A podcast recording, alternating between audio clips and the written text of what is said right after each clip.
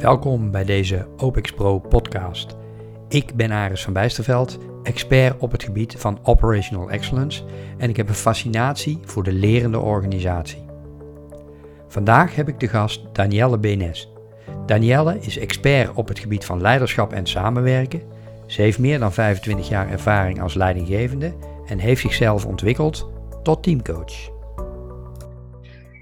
Danielle, welkom weer in uh, deze podcast. De vorige keer Hallo. hebben we met jou uitgevoerig gesproken over um, leiderschap en de samenwerking. Dat is echt jouw expertise en vakgebied. Je bent teamcoach. Ja. Maar je hebt een aantal jaren geleden uh, heb je ook uh, in een hele heftige burn-out gezeten. Ja. En toen je me dat verhaal met mij deelde, was ik enorm onder de indruk van wat, wat dat dan met je heeft gedaan en hoe je dat hebt doorleefd. En ik denk dat het ook heel erg uh, anders is dan dat velen misschien denken. Hè? Dat je ja. denkt aan een burn-out van nou, ik ben een beetje moe en uh, ik ben uitgeteld en ik moet rusten. Maar als ik, als ik naar jouw verhaal nee. kijk, dan denk ik van nee, dit is toch wel iets heel anders. Dus daarom uh, vind ik het heel mooi als we dit uh, verhaal kunnen delen. Om, om ook gewoon te kijken van luisteraars van oké, okay, dit is toch iets heel anders dan dat ik verwacht had. Of ik herken dit soort dingen of ik heb ook een ervaring.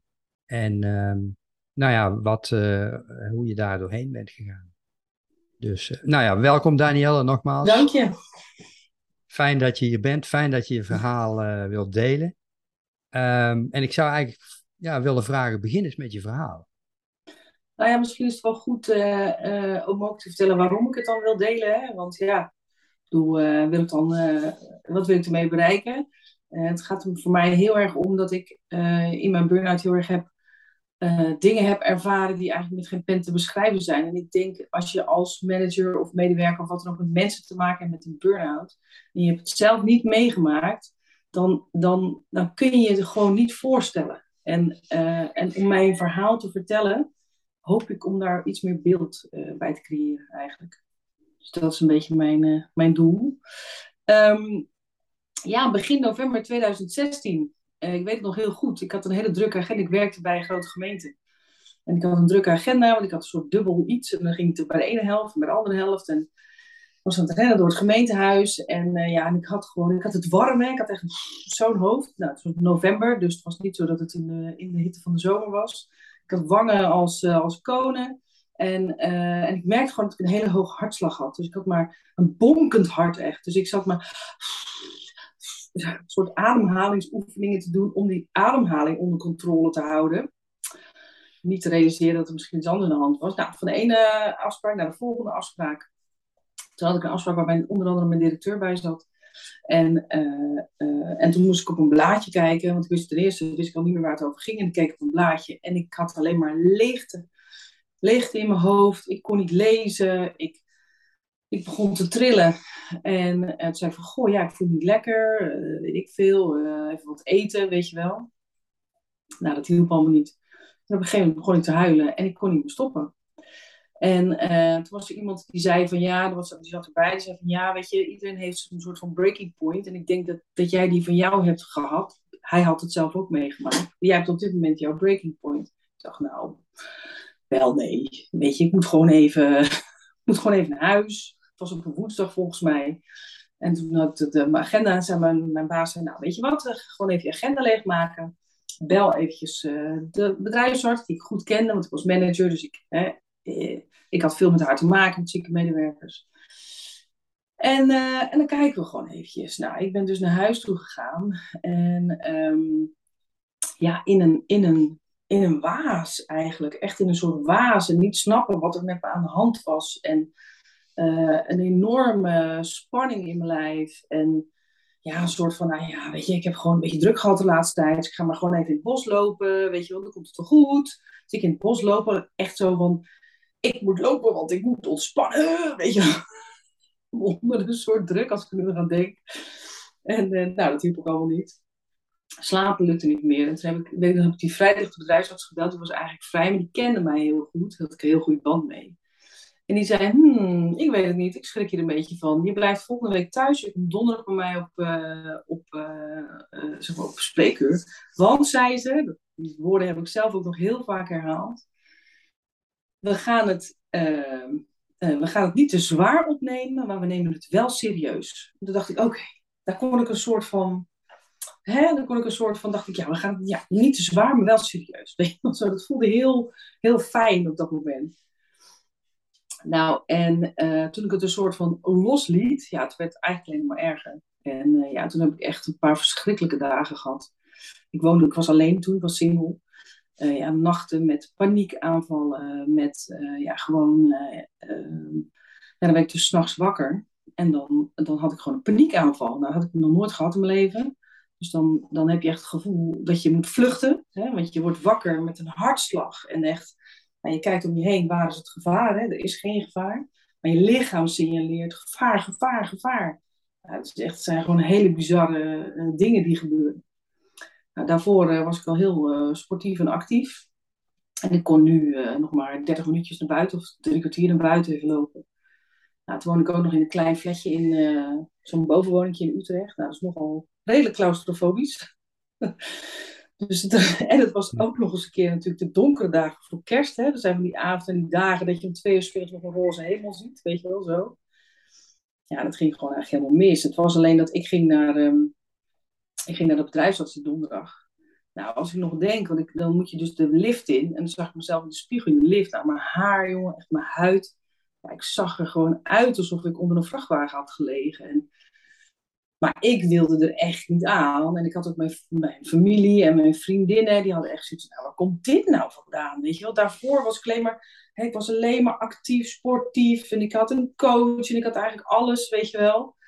En ineens ging gewoon het licht uit. En um, en toen ging ik naar de bedrijfsarts, dat weet ik nog zo goed. Ze zei van, ja joh, ja, je bent gewoon helemaal uitgeput. Jij hebt gewoon, uh, dat gaat drie tot zes maanden duren. Ik zeg, je bent niet goed bij je hoofd. Ik weet het nog zo goed dat ik het zei tegen haar. Nou, echt niet. Ik ga maar nog weer aan het werk, weet je wel zo.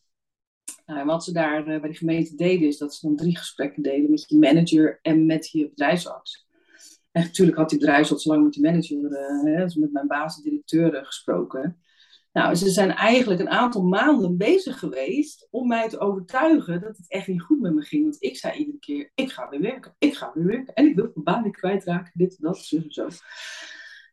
Nou, en uh, ja, toen, uh, uh, de week nog heel goed, want toen zei ze van, nou, je moet over vier weken terugkomen. Ik zei, oké, vier weken. Nou, vier weken, dat zei ik wel.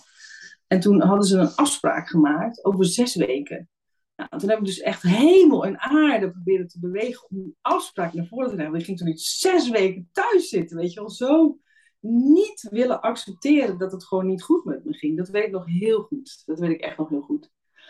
Ja, en, en thuis, joh, ja, de muren kwamen op me af. Hè. Dat zeggen mensen wel eens, hè. Ja, de muren komen op me af. Nou, bij mij kwamen de muren echt, echt op me af. En ik heb natuurlijk het een en ander opgeschreven, je hebt het gelezen. En het moet een kat-en-muisspelletje met je brein. Uh, want ja, je, als je dus last hebt van paniekaanvallen, dan, uh, dan vind je dat al heel eng. Hè? En als je er dan, je moet maar niet aan denken, want als je eraan denkt, dan kan je alleen al voor die angst, kun je paniekaanval, weet je wel. Dus dat, dat hele kat-en-muisspel in je brein. Nou, ik weet zeker dat in die, uh, zeker in die eerste weken. Um, kijk, ik weet nu nog steeds dat rond 15 januari gaan altijd de dagen weer lang en dan ga je dat merken. Dat is nog steeds iets dat komt dus uit die burn-out. Want ik ben in november overspannen geraakt en ik heb de dagen afgeteld totdat de dagen weer langer werden. Want het was het donker wat mij ook uh, angstig maakte. Overdag ging het nog wel, maar zodra dan de zon onderging en het donker kwam, ja, dan, uh, ja, dan, gebeurde er iets met mij en dan kwam de angst terug. Dus ik heb ook heel lang, zeg maar, um, angst gehad om naar boven te gaan naar mijn slaapkamer. Want dan wist ik dat er weer een nacht aankwam waarin ik gewoon niet ja, maar dat ik gewoon echt, het was een marteling die nacht. Echt een marteling. Niet te doen. Hey. Ja, en uh, hoe, uh, ja, hoe ga je daar doorheen? Hoe, hoe, ja, je deed het één dag, per, ja, één, één dag per keer. Dat is wat ik deed. Ja. Per en dag. ik had, uh, wat zeg je? Je zegt, ik ga, je doet dat per dag. Per dag en vooral per nacht. En ja en ik weet nog zeker in de eerste, oh ja, ik was alleen, ik was single. Dus ik had echt mijn zus en mijn beste vriendin, die hadden gewoon hun telefoon aanstaan. Want als ik dan s'nachts een paniekaanval kreeg, dat kun je me bellen. Ja, en kijk, en mijn zus die is coach ook, dus die zei van ja, weet je, paniek, daar kun je nooit, daar zit je geen uur in. Dus dat is pieken en dan is het voorbij. En daar hield ik me altijd aan vast, want dan, dan ging dat inderdaad helemaal omhoog, omhoog, omhoog, omhoog, omhoog. En dan op een gegeven moment, dan, dan daalt het dus weer. Dan kreeg het helemaal koud en dan lag ik helemaal zo te rillen in mijn bed. Heel erg huilen. En dan kwam er een soort ontspanning en dan komt dan wel weer slapen, weet je wel. Dus maar goed, slapen, joh, dat was echt. Ik, ik doe iedere avond deed ik yoga en allerlei oefeningen om maar gewoon in die slaap te komen. En uh, ja, dus je gaat gewoon uh, aan de slag met van alles en nog wat. En uiteindelijk heb ik via, kijk, zo'n zo'n gemeente waar ik voor werkte, die heeft natuurlijk een, een hele grote gemeente, dus die heeft een eigen arbocentrum, noem het maar op.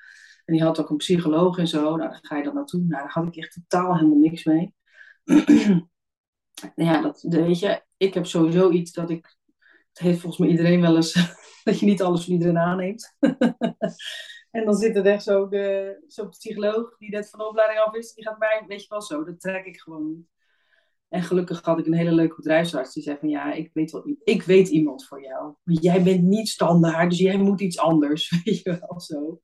En die heeft mij uiteindelijk naar een, uh, een neuropsycholoog gestuurd die onder andere met EMDR en allerlei verschillende technieken speelde, uh, werkte. Maar zeker in die eerste weken, hè, tot en met half januari, dat de dagen gingen lengen, heb ik echt momenten gehad dat ik dacht, nou, als dit mijn leven is, op dit moment, zoals ik me nu voel in mijn hoofd en in mijn lijf, dan weet ik het niet of, dit nog wel, of ik dit nog wel ga redden. Nou, dat zijn best wel heftige gedachten, want iedereen die mij kent weet dat ik een super optimistisch, altijd, weet je wel, zo'n blij ei ben. Maar dat was wel, uh, ja, dat ik dacht van, uh, hmm, dit moet wel beter worden. Want anders dan ga ik het niet redden. Dat. Zo heftig was het. Dus je gaat eigenlijk van een soort van sky high, je kan alles aan. Althans, zo begrijp ik dat jij ja. zo in elkaar zit. Dat je dat ook laat zien naar buiten. Naar, ja, uh, kan ik dit nog wel aan? Kan ik nog... Ja. En wil ik dit nog wel? Dat je je zo, zo klein voelt en zo... Ja, hoe voel je je dan? Wat, wat voel je dan? Wat, hoe zou je dat omschrijven? Ja, hoe voel je je dan? Ja, weet je, je, je, je hebt geen vertrouwen meer in je lijf en in je hoofd. Weet je, want dan stond ik ineens, stond ik bij de, weet je, ineens bij de, ging naar de Albert Heijn en dan was de rij net, net even iets langer. Weet je wel, en dan dacht ik, oh, ik moet eruit. Weet je, dat soort dingen. En dat overvalt je heel erg. Waardoor je eigenlijk het vertrouwen in je lijf en in je hoofd kwijtraakt. En dat, uh, dat is echt een relatie die weer opgebouwd moet worden. En dat heeft jaren geduurd voordat ik dat weer opgebouwd had. Ja, dus de, uh, als je denkt van een burn-out, dan moet je rusten, als ik het zo even mag noemen. Uh, dit is eigenlijk heel anders. Dat is eigenlijk een heel ander verhaal. Want ja. dit, is, dit, is, dit grijpt echt in je, in, je, in, je, in je zelfvertrouwen en in je zijn. Ach ja. Ja, het is zeg maar. Kijk, mensen denken altijd dat een burn-out mentaal is. Maar dat, dat klopt ook wel. Maar de uiteindelijke burn-out is lichamelijk. Ja. Want het heeft alles met je stresshuishouding te maken. Je noemt je stressorgaan of je stresshuishouding. Cortisol, hè? Ik leef nog steeds met cortisol. dat is gewoon zo. Dus um, alles wat zeg maar normaal uh, stressniveau 2 was, op een schaal van 1 op 10, was meteen 5 of 6. Weet je wel? Dus bij de kassen van de Albert Heijn, ik oh, woe, en dan...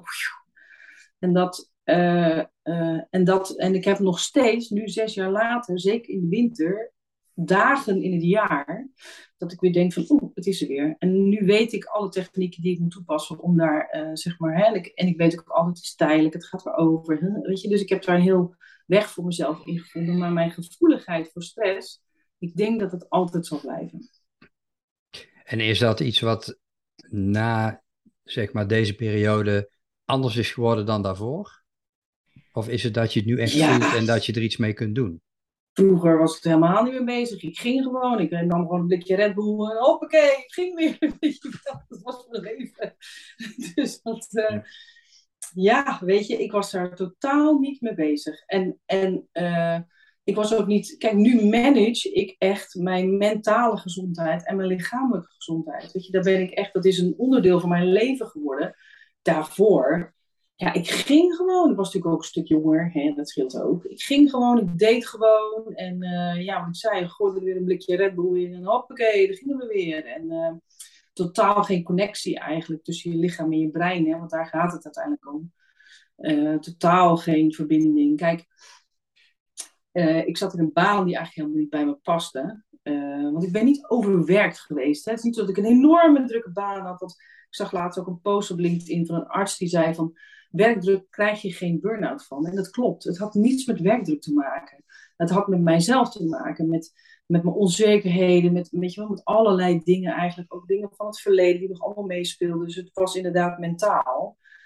Maar mijn copingmechanisme om daaruit te komen was heel erg veel sporten. Sporten, sporten, sporten, sporten, sporten. En dan inderdaad onder invloed van cafeïne, van weet je wel. Dus ik zat echt vier, vijf keer in de week zwaar te tillen in de sportschool. En op een gegeven moment, de weken voordat ik overspannen werd, dat ik burn-out had, ging ik ineens allemaal perso persoonlijke records tillen en doen. Dat is allemaal op adrenaline geweest. Weet je, toen zat ik eigenlijk al in een soort. En dan weet ik nog dat ik, ik kon niet slapen, weet je wel. En ging die klok, hè, want dat is echt iets, moet ze echt afschaffen. Die klok in de winter die vooruit of achteruit gaat, ik weet nooit achteruit ja, dat is gewoon zo slecht voor de mensen. Dat waren allemaal van die dingetjes. Dus ik zat al een beetje, mijn cortisol zat al heel hoog, of adrenaline, hoe je het ook wil noemen. Vervolgens, dus ik was altijd maar aan het trainen. Dat ging altijd maar onder invloed van oppeppende middelen. Ik kon niet slapen. Ja, en dat heeft me uiteindelijk gewoon over die edge. En op toen zei mijn lichaam van ja, tot zover en niet verder. En dat is dus de burn-out. Tot zover en niet verder. Ja, precies. Nu is het genoeg. Nu is het genoeg, ja. En als je nou terugkijkt, wat is voor jou, denk je, want je kijkt altijd naar oorzaken, of hè, hoe komt dit, of hoe is dit ontstaan, of wat zijn, wat is, wat is voor jou, uh, als je terugkijkt, um, wat je, ja, waardoor je eigenlijk een burn-out hebt gekregen? Wat is voor jou, ja, volgens, eigenlijk... volgens jou, ja, als het niet de werkdruk is, sorry dat je er reden van, als het niet de werkdruk is, wat is volgens jou um, ja, de reden of de oorzaak of waardoor ben je hierin verzeild geraakt? Ja, toch wel een combinatie van factoren hoor. Want ik ben eigenlijk, uh, voordat ik bij die gemeente ging werken, werkte ik in de zorg. Nou, daar ben ik gewoon een baan kwijtgeraakt onder in een van de fusieomstandigheid. Heel uh, nare manier is dat gegaan. Toen heb ik een andere baan geaccepteerd. Nou, daar heb ik een gigantische verandering. Dat was best wel uh, en toen ben ik dus bij de gemeente gaan werken. En uh, ja, in de tussentijd, het is een combinatie van factoren. Kijk, um, ik weet inmiddels van mezelf dat uh, toen de tijd dat ik zeg maar aan mijn carrière of loopbaan ging beginnen, had heel erg te maken met dat ik de wereld wilde laten zien dat ik ook iets waard was. En dat heeft met gevoel voor eigenwaarde te maken. Dus ging ik altijd maar op zoek naar banen die nog meer aanzien hadden. Steeds groter. En dan zeiden ze, Daan heeft een hele goede baan. Het was altijd zo zinnig. Daarna dacht ik, ja, goede baan. Dat ik ontzettend ongelukkig was en het helemaal niet bij me paste, deed niet, weet je wel zo. Maar daar had een goede baan. Dus in een soort, uh, uh, ja, ook weer uit connectie met je eigen gevoel, hè, ga je dan. Dus dan ga je externe, ga, ging ik externe factoren zoeken om dat gevoel van niet waard zijn uh, te compenseren. Dus kwam ik in banen terecht die helemaal niet bij me pasten. Nou, ging ik weer weg, ging iets anders. Daarnaast had ik ook niet een heel erg gezonde relatie in mijn relaties. Hè. Ik had vaak ook wel uh, wat types die niet bij me pasten. Uh, ja, het, was allemaal, het, het, heeft allemaal met mijzelf, met mijn gevoel van eigenwaarde te maken. En dat overreachen, altijd maar in een soort kramp zitten. Om bij die pijn weg te blijven. Om maar iets te presteren, iets neer te zetten. Iets te laten werken wat niet werkte, weet je wel. In relaties. En dan onwijs gaan sporten. Altijd maar ja, extreme dingen doen. Mensen kennen mij ook als iemand die extreme dingen doet. Ze zeggen dat ja, je moet altijd extreem. Ja, ik deed altijd dingen extreem. Nog steeds wel hoor, dat zit er altijd in. dus, dat, dus het is een soort kramp geweest waar ik jarenlang in heb gezeten. Waarin ik continu maar ja, aan, het, aan het stretchen was, daar waar op een gegeven moment geen stretch meer in zat. En het, het hele pad wat ik daarna ben gaan volgen, heeft heel, is heel erg gericht op de verbinding tussen mijn hoofd en mijn hart en mijn buik Hè? En, en uh, ik heb daarna ook, want toen ik terugkwam van die burn-out, heb ik ook gewoon een operationeel leidinggevende functie genomen. Terwijl ik eigenlijk al afdeling had van 750 man. Toen dacht ik, nee, stapje terug. En daarna heb ik ook veel meer plezier gekregen in het leidinggeven eigenlijk. En heb ik ook veel meer, ja, heb ik het echt gedaan dat ik het leuk vond. En daarvoor, daarvoor was ik alleen maar aan het reachen. Zo van, oh, hoe ver kan ik mezelf stretchen? Ja, dat was dan een beetje de goede baan voor Daan, maar dan moest hij, als je dan een goede baan hebt, dan uh, op een gegeven moment moet er weer een andere goede baan voor Daan komen om jezelf te laten zien. Ja, ja, ja. continu. En, en ja, daar, dus dit was gewoon een uitgelukkig elastiek op een gegeven moment. was gewoon op. En uh, ja, wat ik zei, ik heb uh, nog steeds hoor, ik ben nog steeds uh, met coaches. En ik heb laatst ook, ben ik toch, ga ik toch weer terug naar mijn psycholoog. Nog steeds diezelfde trouwens, die ik toen van mijn bedrijfsarts heb gekregen. En dan loop ik toch weer tegen dingen aan. En ik heb me wel heel erg gerealiseerd dat dat, die hele weg, dat zit echt in mijzelf. Weet je, dat heeft niks met de buitenwereld te maken. Het is hoe ik reageer op de buitenwereld. Dat kan ik onderzoeken. En dat kan ik ook herkennen, want ik heb nog steeds momenten dat ik denk, oh jee, oh, ik doe het weer, of ik, uh, weet je wel, maar het herkennen ervan, ja, dat brengt me gewoon heel erg veel. En wat zijn nou de, uh, kun je nog praten van signalen achteraf die uh, duiden voor dat, dat moment hè, waar je net over vertelde, van in november 2016, maar daarvoor, dat je denkt van, nou, dit waren wel signalen dat ik toch dat, er toch, dat ik toch echt helemaal, ja, dat het verkeerd gaat met mij. Dat ik. Uh... Nee. Nee? Nee, en dat zullen meer mensen zeggen die een burn-out gehad hebben. Die zeggen van het een op het andere moment als het op. Ja. ja. Nogmaals, mijn, mijn, mijn, mijn omgeving, weet je wel, mijn zus die had echt zoiets wat is met jou aan de hand? Sterker nog, ik denk dat mensen dachten dat ik zo iemand was die dat niet zou kunnen overkomen. Weet je wel? Want ja, ik ben altijd uh, optimistisch en altijd gaan en met me op. En, en uh, ook mijn beste vriendin, die had echt zoiets. Nou, die kon het ook eigenlijk niet geloven, weet je wel? Die had echt zoiets, wat is dit? Dus dat, uh, nee. En, en nogmaals, ik heb meerdere mensen gesproken met burn-out en die zeggen eigenlijk allemaal hetzelfde. Het was ineens, was het over. Het slaat in één keer toe. ja. Ja, ja. Dus je, ja, een soort van, ik heb het niet zien aankomen. Ik heb het niet voelen aankomen. Het is er in één keer. Nee. Ja. ja, scary hè? Ja. Ja, en ik moet zeggen, want ik ben nu zes jaar verder en ik leef er nog steeds mee. En ik, ik, ik ken ook wel mensen die zeggen, je wordt nooit meer 100% ouder. Je wordt nooit meer die onbezonnen, onbezorgde persoon die, uh, die gewoon maar gaat en uh, blijft gaan. En um, in de winter is altijd weer een moment, want bij mij zit het aan die wintervast, want ik ben in de winter ook overspannen geraakt. Dat is ook zoiets als het, um, hoe zeg je nou, seasonal, weet je wel, dat mensen last hebben van het seizoen. Dat had ik vroeger nooit, ik ben echt een winterkind. Nu zit ik aan uh, lichttherapie, weet je wel, allemaal dat soort dingen. Zorg dat ik genoeg daglicht krijg. Uh, slapen is iets waar ik zeker, nou ja, bijna obsessief mee bezig ben. Slapen is ongelooflijk belangrijk yoga, wandelen, meditatie. Dat zijn allemaal dingen die ik misschien in de zomer altijd lekker laat versloffen. Hè? Want het, gaat allemaal prima, het is mooi weer, het is leuk, genoeg licht, fantastisch. En eigenlijk vanaf oktober zo, dan, ja, dan moeten dit soort dingen weer in, in place uh, gezet worden. En kijk, ik ben nu uh, ondernemer geworden, een tijdje. En uh, ja, ik merk dat, dat dat me dat weer stress geeft, weet je wel. En dan denk ik, ja, is dat het dan waard? Weet je, dat uh, kan ook gewoon lekker een baantje accepteren en gewoon ladida doen. En dan, uh, maar ja, daar word ik ook niet gelukkig van. Dus ja, krijg je een bore-out, hè. Een burn-out of een bore-out. Dat kan natuurlijk ook allebei. Ja. Dus ja. het moet altijd, het is echt evenwicht vinden. Want ook in mijn ondernemerschap, weet je wel, dan ga ik ook gelijk, uh, ik doe ook daar weer gelijk extreme dingen. En dan raak ik daar weer, weet je. Dus het is voor mij altijd balans zoeken. Dat zit gewoon in mij. Als ik ga, dan ga ik er ook voor. Uh, maar die balans zoeken in uh, wat leuk is. en dan een stapje verder. Hè? Dan, en dan, dan, dan raak ik zeg maar hier weer in. Hè? Om een gek voorbeeld te, noemen. De tuin. Ik ben tuinmens, vind het heerlijk. Daar haal ik ontspanning uit. Ik denk, nou, ik ga de voortuin opnieuw inrichten. Piet Oudolf, hè, ken je vast wel. Nou, mooi geïnspireerd, heel leuk. Nou, en dan blijkt het toch allemaal net een iets groter project te zijn dan ik had gedacht. En dan komt het weer eraan en dan moet het. En dan heb ik dus tuinstress. Nou, dat is echt twee woorden die ik nooit in één zin wil gebruiken. Maar alleen maar om aan te geven, altijd extreem. Weet je wel, het moet altijd, dat zit gewoon in mij. En uh, dat, dat zit me nog steeds wel eens een beetje in de weg. Ja, er zit een bepaalde overtuiging achter natuurlijk. Dat je, ja. Dat je, ja, het overkomt me echt. Dat ik denk, oh, wat heb ik nou met die tuin gedaan? Weet je wel? Ja, ineens staan er 500 planten. En het gaat binnenkort vriezen, dus ze moeten de grond in. Weet je, nou, dat, uh, ja, en dan moet het. Ja, en dan is het niet leuk meer. Hè? Dat is niet de bedoeling. Het moet leuk zijn, weet je wel. Dus, het moet leuk eh, blijven. ja. ja.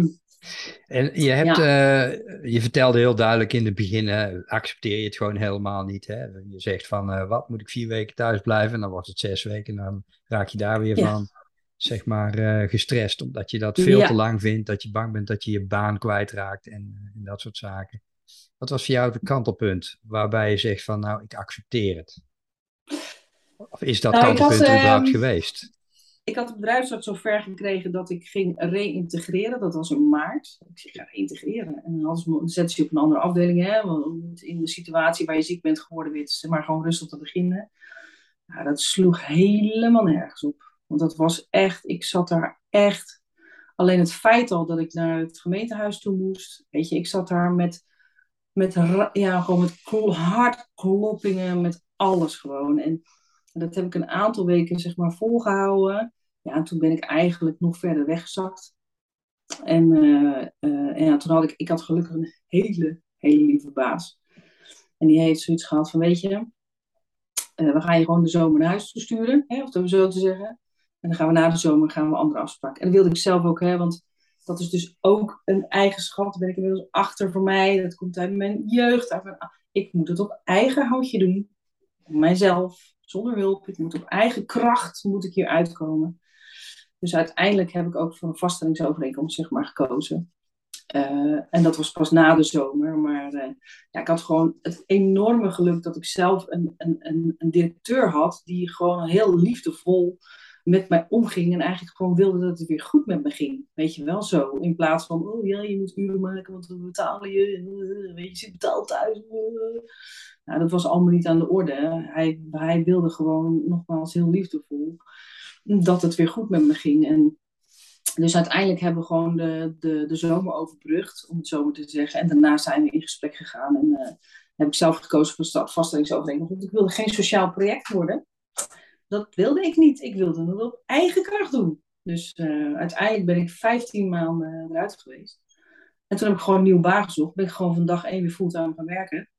Nooit verteld dat ik een burn-out gehad heb. Sterker nog, ik heb het een paar weken geleden aan Frits verteld. Tenminste, die had het gelezen natuurlijk ook. En die zei, joh, waarom heb je dat nooit gezegd? Ik zei, ja, je kent me. Hij zegt, ja, ik ken je, zei hij. Ja. Je wilt het op eigen kracht doen. Ja, ik wil het op eigen kracht doen ja, dat is uh, ook wel een beetje. Ik, wil, ik wilde geen patiënt zijn, weet je, dat vond ik belangrijk. Dus uh, ja. Als je nou daarnaar kijkt, hè, je zit in een burn-out situatie en nou ja, als je kijkt naar de belevingen die je hebt, hoe je dit uh, hebt beleefd en je ziet tegelijkertijd dat er dan een soort reïntegratietraject moet starten op een gegeven moment. Hè? Ja. In hoeverre past dan zo'n aanpak van zijn reïntegratie wel of compleet misschien helemaal niet bij iemand die in zo'n burn-out situatie zit? Ja, nou, ik was misschien wel een speciaal geval. Nou, wat je, wat je heel veel ziet, hè, en dat zie ik zelf ook in mijn werk als manager, willen is niet kunnen. Dat is gewoon zo. De mensen met een burn-out, die willen maar één ding en die willen weer normaal kunnen werken. Die willen dat hun leven weer normaal is. Die willen niet meer ziek zijn. Maar dat werkt gewoon niet. En ik had dat ook. Weet je, ik wilde gewoon weer goed, weer goed zijn. Maar dat ging gewoon niet. En, uh, en die ervaring die ik zelf heb, dat ik het dus geprobeerd heb, dat het echt nergens op sloeg. Sterker nog, dat ik nog verder afzakte. Ja, weet je, het is denk ik heel belangrijk, en dat deden ze bij de gemeente wel heel goed, dat je een partnerschap hebt met je manager en de bedrijfsarts. En dat je met z'n drieën gaan kijken van hoe kun je nou duurzaam reintegreren. En, uh, en, en de rol van de manager is denk ik om de medewerker af te remmen. Want dat doe ik zelf ook altijd. Zeg, nee, nee, nee, nee, niet drie uur. Je gaat gewoon twee uur beginnen. Weet je wel zo. Uh, um, maar je ziet in heel veel organisaties dat het natuurlijk absoluut niet geaccepteerd überhaupt wordt, het woord burn-out. En mensen het niet snappen. En ja, hoe meer stress je legt op het, op het reintegreren. Ja, kijk, ik deed bij mezelf. Ja, hoe moeilijker dat gaat. Ja. Dus ik weet het niet, weet je. Ik, ik denk sowieso als je, een, als je in een baan zit hè, die niet bij je past, die je ziek maakt, hè, zo zeggen ze dat dan altijd. Ja, dan moet je ook gewoon accepteren en dan gewoon denken, ik moet iets anders gaan doen. En dat is vaak al een heel proces. En um, ja, reintegreren, het moet echt, echt vanuit de medewerker moet het geregisseerd worden eigenlijk. En gefaciliteerd vanuit de werkgever. Want als het even niet gaat, dan gaan we gewoon weer naar huis en dan proberen we het volgende week weer verder. En dat is duurzaam reintegreren. En uh, ja, dat heb ik zelf niet gedaan. Ik ben gewoon gaan werken. Ja. ja. Nou, je kunt, kijk, als je uitgaat van de redenering dat burn-out in feite gewoon betekent je bent opgebrand omdat je te druk hebt gehad. En je moet er een tijd ja. tussenuit. En integreren betekent dan weer, zeg maar, opbouwen in het aantal uren die je werkt. Hè, vanuit het perspectief dat je weer uh, dezelfde baan hè, in dezelfde omstandigheden weer ja. terugkomt. Dan is het natuurlijk een heel ander uitgangspunt dan dat je zegt, nee, een burn-out is waarschijnlijk heeft te maken met uh, de baan waar je in zit, waar je niet lekker in zit, of de omgeving. Ja. Dat je ver van jezelf bent verwijderd, begrijp ik van jou. Hè? Dat je dus ja. in feite ook jezelf uh, uh, ja, niet meer ziet staan. Hè? Je, ja. je, je, ziet jezelf niet meer staan. Je, ehm, en je gaat maar door tegen beter weten in. Hè? Dat hoor ik je ook een beetje zeggen. Ja, dan, heeft het, dan, ja, dan klinkt het wel heel logisch dat een reïntegratie vanuit een burn-out veel meer is dan langzaamaan beginnen met werken in dezelfde baan, in dezelfde omgeving. Als die baan ja. en omgeving tenminste een belangrijke oorzaak zijn van je burn-out. Ja, en, en, en er moet echt hulp bij, weet je. Psycholoog, eh, weet ik veel maatschappelijk werk, maakt niet uit. Uh, maar iets in jou uh, kan met bepaalde situaties niet goed omgaan. Of in ieder geval op zo'n manier omgaan, dat je er zelf aan onderdoor gaat. En dat behoeft aandacht. Dat vind ik echt. Het is een pad van de. Kijk, het is ook een kans. Zo kun je het ook zien. Ja. Zie je het ook een beetje als een reset van jezelf? Nou, het was. Van je pad? echt. Ja, ik geloof echt dat het op het juiste moment is gekomen. Dat klinkt heel gek. Ja. En ik, ik kom mensen altijd als mensen zeiden, ja, je moet het een plekje geven of zo, weet je wel. Dan, uh, dan werd ik altijd verschrikkelijk boos. Want dan zei ik van, ja, hoezo, weet je wel. Uh, allemaal van die gekke, van die, van die drogredenen krijg je dan, weet je wel. En uh, het tijd heelt allemaal, weet je wel, sommige van die gekke dingen. Dan wil ik echt... Maar het is wel een... Um, het, is een het, kom, kwam op het juiste moment voor mij. Want ik was echt wel aan het vastlopen in dingen. En het heeft wel iets in gang gezet wat nog steeds gaande is. Namelijk ja, de verbinding tussen het hoofd en, en het lichaam. Uh, waardoor ik absoluut een veel leuker uh, en uh, volledig leven heb veel meer in connectie met van Want ook um, de hele, het hele proces wat ik doorlopen heb met, met de psycholoog, dat heeft er ook voor gezorgd dat ik heel anders in, in mijn liefdesrelaties ben gaan staan. En ik heb nu een hele andere partner uh, dan ik in het verleden altijd had. En het is heel, ja, weet je, het heeft echt allemaal met zelfwaarde te maken en uh, in contact zijn met, met jezelf. En um, uh, ja, dus het is zeker een kans ook hè, om het zelfonderzoek te doen. Wat al lang overdue is, over het algemeen. Want anders zit je er niet. Ja, precies. Dus want je bent wel... Een, een... Je bent te ver gegaan met het verloochenen van jezelf, in feite. Ja, dat, ja. ja. En uh, wat, wat heeft het in jouw geval bij jou veranderd? Hoe ben jij veranderd?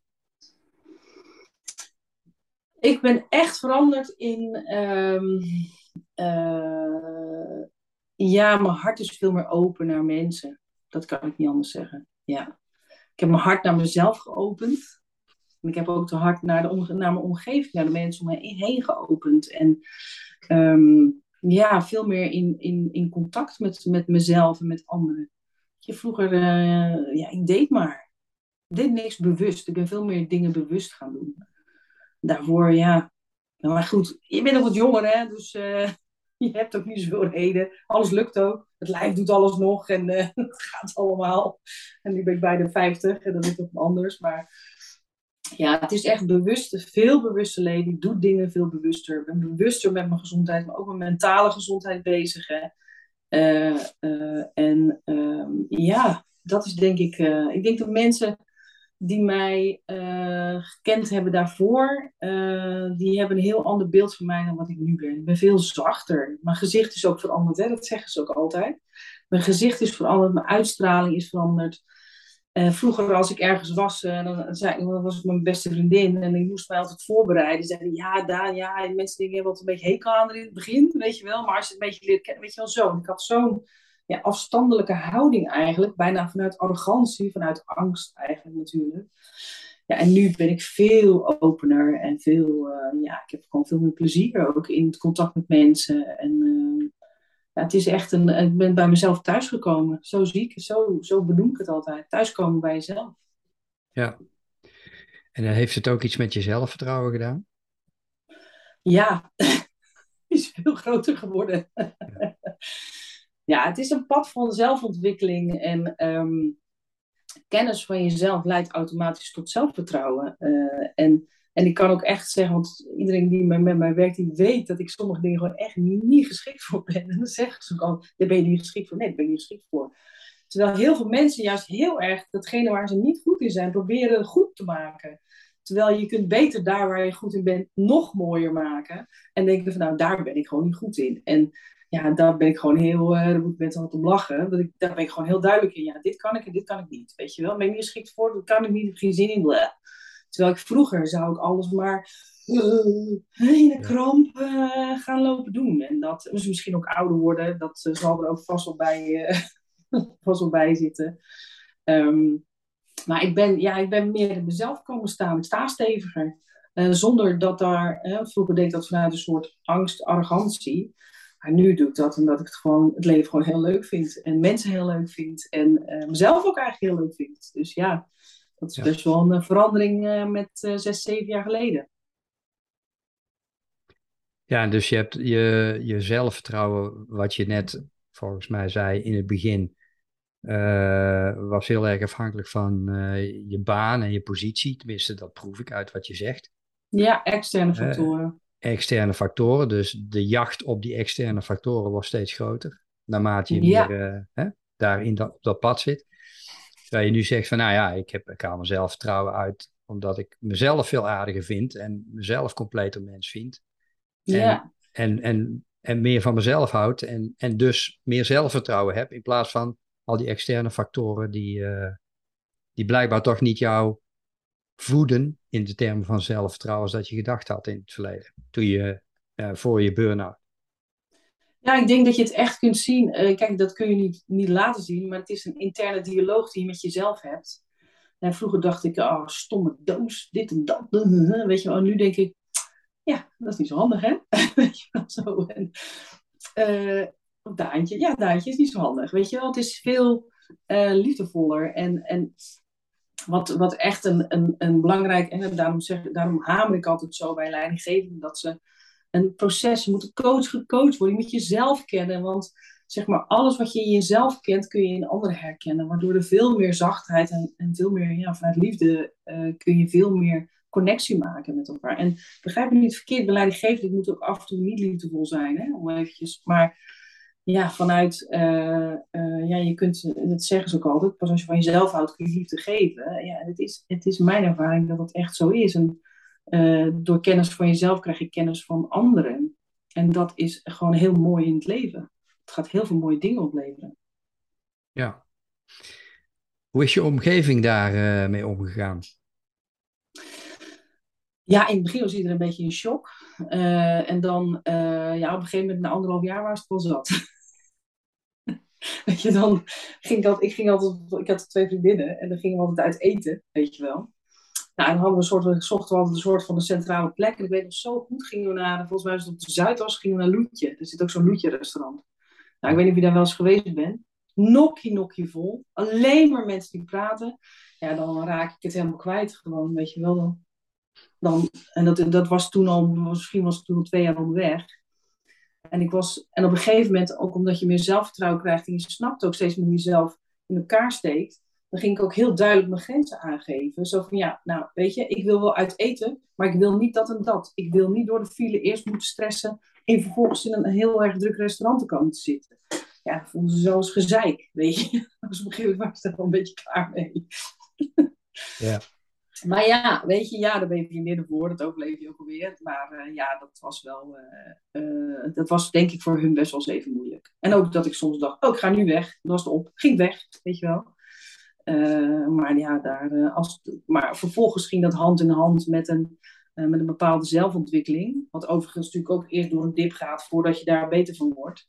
Dus ik heb wel echt een moeilijke tijd gehad. En um, ja, ik dacht ook op een gegeven moment wilde ik het ook voelen ook zo'n navelstaren. Weet je, dat alleen maar over mezelf. Maar ja, als je natuurlijk een beetje zoekende bent, dan, praat je ook alleen maar over jezelf. ik kan me voorstellen dat ze op een gegeven moment dachten ja, dan weten we het wel een beetje wel. ja. ja, misschien was er op een moment, hè, op dat moment in je leven, of in die periode in je leven, was er, was er niet veel meer dan jezelf. Omdat je daar zo, ja, dat je dat zo nee, ja, er was heftig niks. moet handelen. Nee. Navelstaren, zo noemde ik het. Ja, ja. ja. Ja, dat is navelstaren. wat voel ik? Wat voel ik? Oh, wat doe ik? Op een gegeven moment werd ik helemaal gek van. Ik heb nog steeds wel eens hoor dat ik denk van, oh, wat voel ik? Denk ik, ja, eventjes afleiding, weet je wel. Afleiding is trouwens een hele belangrijke. Ook afleiding zoeken voor al dat wat in je hoofd gebeurt. Afleiding, ga je doen. Ja. Nog steeds doe ik dat. Dan denk ik, oh, ga lekker wandelen, doe iets. Weet je wel. Ga niet op de bank zitten denken van, oh, wat voel ik, wat voel ik. Maar we niet achter die persoonlijke records aanjagen. Wat zei je? Nou, weer niet achter die persoonlijke records aanjagen tegelijkertijd. Nee, je kunt gaan sporten en zeggen van nou, ik ga nog even wat grenzen verleggen. Nee, nou toevallig gisteren weer, want dan merk ik dat ik er weer een beetje in zit. Ik werk met een persoonlijke personal trainer en die weet het precies. En dan zeg ik vandaag alleen maar bewegen. Dus dan ga ik gewoon alleen maar uh, lichaamsgewicht dingen, zonder, ik ga niet zwaar trekken, niks niet. Ja, dan slaap ik fantastisch. En dan ben ik helemaal. Uh, en vorige week was ik zwaar aan tillen geweest. Ja, slaap weer twee nachten niet. Nou, dan weet ik dat ik er weer tegenaan zit. Weet je, dus het is voor mij, in de winter is het continu, zeg maar, de balans vinden tussen, hè, want beweging is heel belangrijk, hè, daar ben ik 100% van overtuigd. Balans vinden tussen wat werkt wel en wat werkt niet. En, uh, ja, en daar ook en gewoon schaamteloos daar mijn grenzen in aangeven. Weet je, ik doe dat voor mezelf, niet voor anderen. Ja, zeker. Um, als je, jij bent ook teamcoach. Um, ja. Even als, als, als laatste onderwerp. Um, wat kun je nou vanuit jouw professie als teamcoach meegeven van hoe ga je nou om met het fenomeen burn-out? In principe, voorkomen is beter dan genezen. Ik hoor het bij jou ook, dus behoorlijk heftig traject. Soms moet het. Soms, Soms moet het. is, het is het inderdaad, uh, moet het op iemands levenspad komen? Maar hoe, hoe kijk jij daar als teamcoach tegen? Ja, als teamcoach weet ik het eigenlijk niet zo goed. Want mm, ik meer als manager, uh, denk ik. Um, kijk, je hebt soms van die organisaties waarin uh, altijd maar geroepen wordt, hè, als er dus heel veel werkdruk is, dat mensen dan in de burn-out terechtkomen. Weet je wel. En dat, uh, en dat zie je natuurlijk ook als in teams, hè, dat dat heel tijd geroepen wordt. Ja, we hebben het zo druk en straks vallen er mensen om. Straks vallen er mensen om. Um, en dat is, vind ik, echt een pad van zelfontwikkeling van het individu. Dat vind ik echt. Weet je, want uh, uh, het kan natuurlijk onderdeel van de cultuur zijn om te gaan roepen dat we allemaal omvallen. Hè? Kijk, ik heb zelf een keer, eh, ben ik manager van een, uh, een huisartsenpost geweest, weet ik nog heel goed. En er zaten meiden die, zeg maar, uh, dat deden ze dan s'avonds, weet je wel, maar, s'avonds en s'nachts. En die zaten dan overdag zaten ze op de praktijk. En dan kwamen ze s'avonds kwamen ze dan op de huisartsenpost zitten. En die zeiden dan, oh heerlijk zo. Oeh, eventjes lekker werken, weet je wel. Die vonden dat heerlijk. En de meiden die niks anders deden dan alleen maar op die huisartsenpost zitten. Die zeiden dan, oh het is zo druk. Dus het is, weet je, druk en, en, en werkdruk, dat zit, zit ook echt wel redelijk in een bepaalde ja, persoonlijke, persoonlijke ervaring. Het is heel subjectief. En, en uh, natuurlijk kan er een cultuur ontstaan waarin we altijd maar roepen dat we altijd druk hebben. Dat, dat is zeker het onderzoeken waard in een team. Want waar komt het dan vandaan? Wat proberen we ermee te bereiken? Want um, gedrag heeft altijd een doel. Hè? Uh, maar daarnaast vind ik echt, kijk, als mensen in burn-out zitten, het is echt een individueel traject van jou als persoon. En het is uh, de moeite waard, hoe moeilijk het ook is. Dus dat. Ja. ja, het is de moeite waard, zeg je, om er doorheen te gaan. Om er beter uit te komen. Ja, zeker. Ja. ja. Maar ja, dat is net als dat je, dat je naar de tandarts gaat. Je moet even doorzetten. Daarna is het beter, maar het is echt niet leuk. dat, nee, maar dat is vaak niet langer dan een half uur. Ja, precies. ja, straks is het beter. Hm, ja, maar ik lig nu met mijn, met mijn mond open. Dan heb ze knie ja. op mijn buik, weet je wel. En, uh, ja, dus dat precies. gevoel wel een beetje. Dus uh, ja. Ja. En, ja. en, en daarin is ieder individueel traject natuurlijk ook weer anders. Absoluut. Ja. Absoluut. ja. Ja, en dat kan je ook niet. Uh... En sommige mensen hebben er ook echt de kracht niet voor om het dieper te doen. Weet je? Wat je ook wel ziet, is dat mensen het een soort van half doen en dan weer werken en dan twee, drie jaar later oeit, weer erin tuimelen. En uh, ja, je hebt wel mensen die horen dat ze drie keer een burn-out gehad hebben. Ja, dan heb je nog iets te doen. Ja. En dat blijft zich aandienen totdat je er iets mee doet. Ja, tot je echt iets mee doet. Niet tot je er echt iets mee doet, ja. ja. En dat is, begrijp ik, voor jou meer dan alleen maar uitrusten. Ja, zeker. Ja, ja uitrusten, ja, dat, het is vermoeidheid door je, ja, door je hoofd en door je lichaam. En uh, ja, dit, het heeft gewoon niets met, uh, met even een paar keer goed slapen. Dat dacht ik zelf ook. Ik denk, nou, even een paar keer goed slapen, weet al weer nou. Dat heeft er gewoon niks mee te maken. Het is een symptoom van wat er nog meer aan de hand is. Ja, het klinkt ook uh, dat alles ontregeld is in je systeem, zeg maar. Ja, en het gekke is dus dat je hoofd niet meer correspondeert met je lichaam. Want je ligt dus in je bed en dat is net alsof er een uh, wilde leeuw in, in, je, in je kamer staat. Maar die is er niet. Dus je ziet het niet, maar je voelt het wel. En dat is een heel gek, schizofreen iets eigenlijk. En dat waren die momenten dat ik dacht van nou, dit uh, ga ik niet lang volhouden. Weet je wel, zo. Ja, heel beangstigend, lijkt me. Heel beangstigend, ja. ja. ja. En het, het blijft het managen. Hè? Want ja, ik weet niet meer mensen dat hebben hoor. Maar ik blijf heel erg gevoelig voor, uh, voor stressdingen. En ik heb meer mensen daar wel over gehoord. Maar we hebben nooit helemaal alle, alle verhalen uitgewisseld. Uh, maar ik blijf altijd alert. Uh, soms wel een beetje too much, denk ik wel eens. Op wat er gebeurt in mijn lijf en mijn hoofd. om daar tijdig op te kunnen acteren. Want wat er ook gebeurt, ik ga nooit meer helemaal de afgrond weer in. Ja, precies. soms kijk ik eroverheen en denk ik, oh nee. Ja. Maar je herkent nu waarschijnlijk ook makkelijker dingen dan voorheen. Ja, meteen. Ja, ja. ja. Ik heb er echt een, uh, een zintuig voor ontwikkeld. En uh, ja, zoals ik zeg, lichttherapie en zo zijn allemaal dingen die mij echt helpen. En die moet ik dan ook echt doen. En, en ieder jaar denk ik, ja, dit jaar, dit jaar hoeft niet hoor. Want het is nu al zo lang geleden ja, in de winter moet ik, heb ik gewoon extra aandacht nodig voor mijn lichamelijke en mentale gezondheid. Ja. Boeiend. Ja. En toch, als je jouw verhaal zo vertelt, dan geeft dat in ieder geval bij mij veel meer inzicht in ja, hoe, hoe doorleeft iemand zo'n burn-out en, en wat gaat er dan om en, en wat is het eigenlijk, hè? zonder echt te weten wat het is, want ik ben natuurlijk geen arts of uh, deskundige hierin, maar Nee, ja, kan me voorstellen. Je bijnieren, je bijnieren die, uh, die overproduceren van uh, stresshormonen. En uh, ja, wat ik, wat ik eigenlijk in de, in de winter doe, is zorgen dat mijn dopamine omhoog gaat. Ja. Om die stress, om die cortisol eigenlijk te, te reduceren. Hè? Want dat heeft allemaal met elkaar te maken. dus in plaats van me te concentreren op hoe slecht het me gaat, ga ik dingen doen waar er dopamine van vrijkomt. Dus hè, ik doe oh ja, koud water zwemmen, doe ik dan ook. Hè?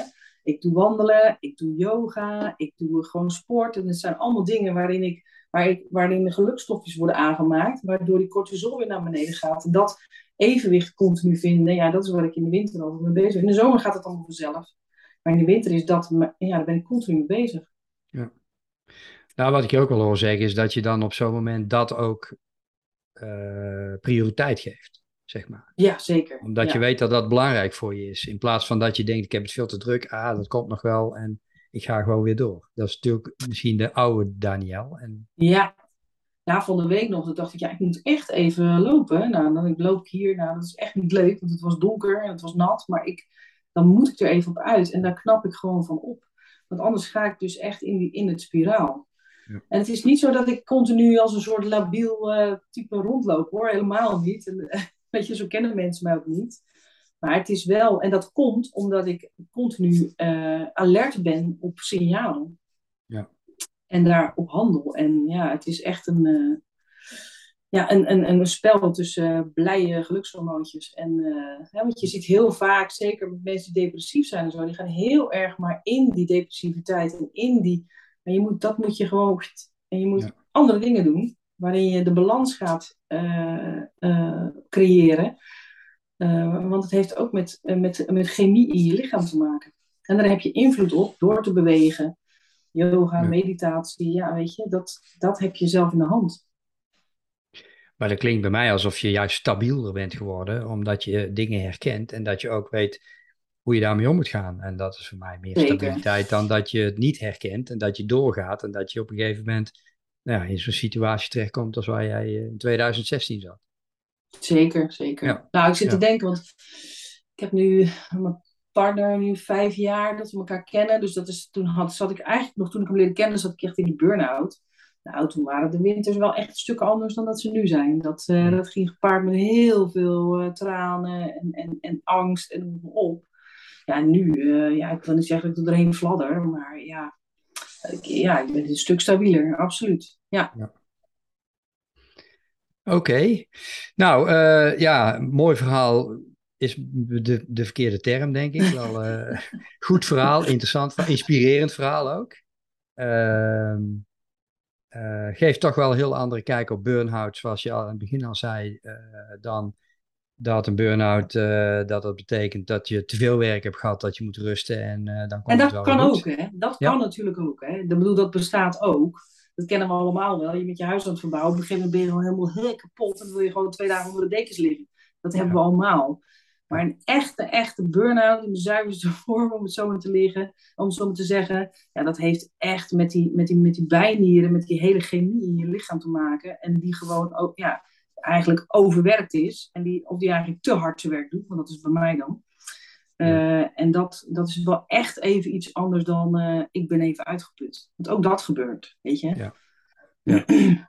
ja maar dat, dat dan daarbij heel helpt aan rust, uh, blijkbaar. Ja. Maar dit is toch wel een, een, een heel, van een heel andere orde. En dat vergt toch echt wel veel meer van jezelf. Juist van jezelf, begrijp ik van jou. Om, ja. daar, om daar iets mee te doen, daar weer uit te komen. En nou ja, om daar zelfs een beter mens van te worden. Zeker voor jezelf. Zeker, zeker. Ja. En het is niet makkelijk, want we hebben het nu heel kort besproken, maar ja, ik kan precies. je verzekeren dat het een hele lange en echt soms wel zware weg geweest is. En uh, ja, en, en, wat ik, en dat heb ik nu ook weer, dan kan ik me ergens wel een soort van aan irriteren, dat ik denk van ja, nu is het wel een keertje klaar mee. ja, ja. Maar het gaat gewoon niet. Dus ja, dan moet ik toch weer uh, uh, ja, mijn dingetjes doen, waardoor ik inderdaad stabiel blijf. Maar ja, ik, ik bedoel, ik heb ook enorme aversie tegen yoga. Want het helpt me gewoon fantastisch. Maar dan moet ik het doen. Weet je wel? Maar ja, het werkt wel. Het is magische ja. elixir, vind ik echt yoga. Echt een magische elixir. Ja. Laat ik nog iets zeggen over naar mijn collega managers. Die ja, te dealen hebben met mensen met burn-out. Ja. uh, ja, weet je. Uh, ga liefdevol met deze mensen om. Want, uh, en, en, en en daar zit ik een enorme schaamte aan vast. Hè? Dat is, daar heb ik nog niet eens over gehad. Maar uh, ja, mensen, wat ik heel veel zie, is dat mensen dan een beetje overspannen zijn. Maar dan durven ze nog niet eens met de hond buiten te lopen. Omdat ze bang zijn dat ze gezien worden en wat mensen over ze denken. Weet je, en dat, zeg maar, die, uh, uh, terwijl je als je overspannen klachten of burn-out hebt, moet je juist dingen doen waardoor je blijer wordt, hè, waar je energie van krijgt. En dat vindt de buitenwereld soms heel moeilijk om te begrijpen. Zo van, nou ja, ze is lekker overspannen en die gaat lekker even op het strand zitten, weet je wel. Maar dat is juist een heel belangrijk aspect van het herstel. Is dat je dingen gaat doen waar je energie van krijgt. En als dat op het strand liggen is, dan is dat op het strand liggen. En als dat met je hondje lopen is, dan moet je met je hondje lopen. En om die, zeg maar, die, uh, dat vertrouwen te geven aan je medewerker. En zeggen van, joh, ik wil gewoon dat je dat soort dingen gaat doen. En als iemand erover zeikt, dan, breng, dan stuur je ze maar naar mij toe. Want je moet dat van mij doen. En ik zeg dat ook tegen de mensen in het team. Van, weet je, als je iemand met hondje ziet lopen, als ze overspannen zijn, wees dan blij, want dan komen ze buiten. En dat, dat is vaak een enorm punt van onbegrip. Hè, dat mensen niet snappen dat dat heel erg belangrijk is. Ik heb echt kilometers in de bossen gelopen bijvoorbeeld. Heerlijk. Dat deed, dat deed me echt goed altijd. Maar ook, eh, eh, wat ik zei, ook naar een concert. Ook naar een, ja, in het begin gaat dat helemaal niet, maar als het wat beter met je gaat, dingen doen waar je energie van krijgt. En dat is een heel belangrijk iets, dat die medewerker voelt dat dat oké is, zodat hij dat ook echt kan doen, dat je daarvoor gaat staan. Dus dat vind ik een hele belangrijke. En daarnaast, weet je, ja, het, doel om, het doel om iemand te reïntegreren is duurzaam reïntegreren. En ze weten zelf vaak, uh, soms wel, soms niet, wat goed voor, voor hun is. En ik leg een, een, een advies van een arbeidsarts leg ik zo naast me neer. Het interesseert me niks. Het gaat erom dat die persoon zich er prettig bij voelt. We gaan niet pushen. We gaan eerder te weinig doen dan te veel. En zo ga je heel langzaam reintegreren. En, en reintegreren gaat ook niet zo, zo weer van de laag naar hoog. Nee, het gaat hoog, laag, hoog, laag. En uiteindelijk kom je weer beter uit. En om dat proces helemaal te faciliteren voor je medewerker ja, weet je, doe het vanuit liefde en vanuit duurzaam reïntegreren en vanuit, weet je, we hebben geen haast, het moet vooral goed gaan. Ehm, ja, en dan ga je echt iemand echt helpen. En, uh, en je ziet heel, hè, we krijgen van die cursussen, grijs zijn, zwart zijn, we moeten ze pittig aanpakken, wat kun je wel? Ja. Nou, ik ben daar falikant op tegen. Echt, ik hou daar helemaal niet van. Zoek echt een partnerschap met die persoon en ga echt op zoek van wat werkt er voor jou, wat werkt niet. Werkt het deze week wel, volgende week niet? Doe weer een stapje terug en dan ga je echt iets bereiken en uh, ga er niet op lopen pushen. Dat is alleen maar meer stress en dat, uh, nee, dat, daar geloof ik helemaal niet in. Dus doe het vanuit nee. liefde. Ja, precies. En denk niet dat het een lineair proces is. Hè? Dat is wat helemaal je zegt. Niet. Nee. Ups en downs en waarbij je ook moet zoeken naar wat het beste werkt. Ja, ja, zeker. En, uh, en, en, en ik weet zeker, kijk, er is niks zo meer vertrouwensgevend voor een medewerker om op die manier uh, benaderd te worden. Want uh, ja, weet je, dan voel je gewoon de ruimte om echt op je eigen houtje weer verder te komen. En dat ligt ook een bepaalde verantwoordelijkheid dan, hè. En dan doe je het dus inderdaad ook op eigen kracht. En um, ja, weet je, hou op met dat gepush. En, en, en en ga ook niet je eigen waarde erover leggen. Hè? Want dat zie je ook heel vaak. Dat je denkt van ja, jeetje, wat een aansteller. Het doet er niet toe. Het is zijn of haar waarheid, zijn of haar perceptie. Deal with it. Weet je wel? Het gaat niet om wat jij vindt. Ja. Dus ik ben echt een, eh, een advocaat voor uh, liefdevol uh, reintegreren. Ja. nou, dat is, dat is een mooie afsluiter, Daniel. Want dat is... Ja dat, is, dat komt uit je hart. Dat, uh, ja, dat zie je, dat hoor ik. Ja. dat is gebaseerd op je eigen ervaring. Er is niks zo sterker als je eigen ervaring. Dus het is zeker. geen boekjeswijsheid. Dus ik zou zeggen, als je als teammanager en ook als persoon met, met dit soort dingen moet dealen, dan neem deze woorden van Danielle echt te harte. Ja. Want ik, ik zie ook aan jou dat uh, en, je, en je hele verhaal, dat, dat jou echt heel sterk heeft gemaakt. En dat je, echt, uh, dat je echt gewoon ook voor jezelf een beter persoon bent geworden. Ja, maar als ze dat toen er middenin zat zeiden, dan kon ik er wel de kop van de romp over rukken. Zeg Precies, maar. Ja. Zo erg. Ja, maar het is wel zo. Dus je moet niet in de valkuil trappen om dat tegen mensen te zeggen. Laat ze dat zelf Nee, ontdekken. zeker niet. Dat zou ik nooit zeggen. Nee. nee. Het enige wat ik altijd zeg is, het is tijdelijke aard. En dat helpt mensen ook. Het is van tijdelijke aard. Ja. Nou, en dat van dag tot dag doorleven, of van nacht tot nacht, wat jij zegt, dat, uh, ja. dat maakt het ook kleiner, lijkt me. Ja. Ja. iedere dag weer een dag. Ja. Iedere dag, ja. Mooi. Dankjewel voor, deze, uh, voor het delen van deze bijzondere ervaring. En, Heel graag gedaan. Al, al deze wijsheid die het uh, jou gebracht heeft. En ehm, nou ja, ik, ehm, ik mochten zeggen... mensen er dus over willen hebben, hè, bedoel, stuur me gewoon een berichtje via LinkedIn. Als je met een medewerker zit, ik doe dat echt met alle liefde.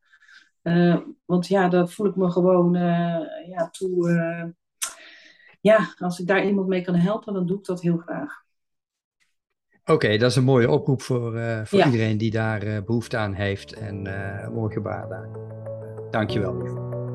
Dankjewel.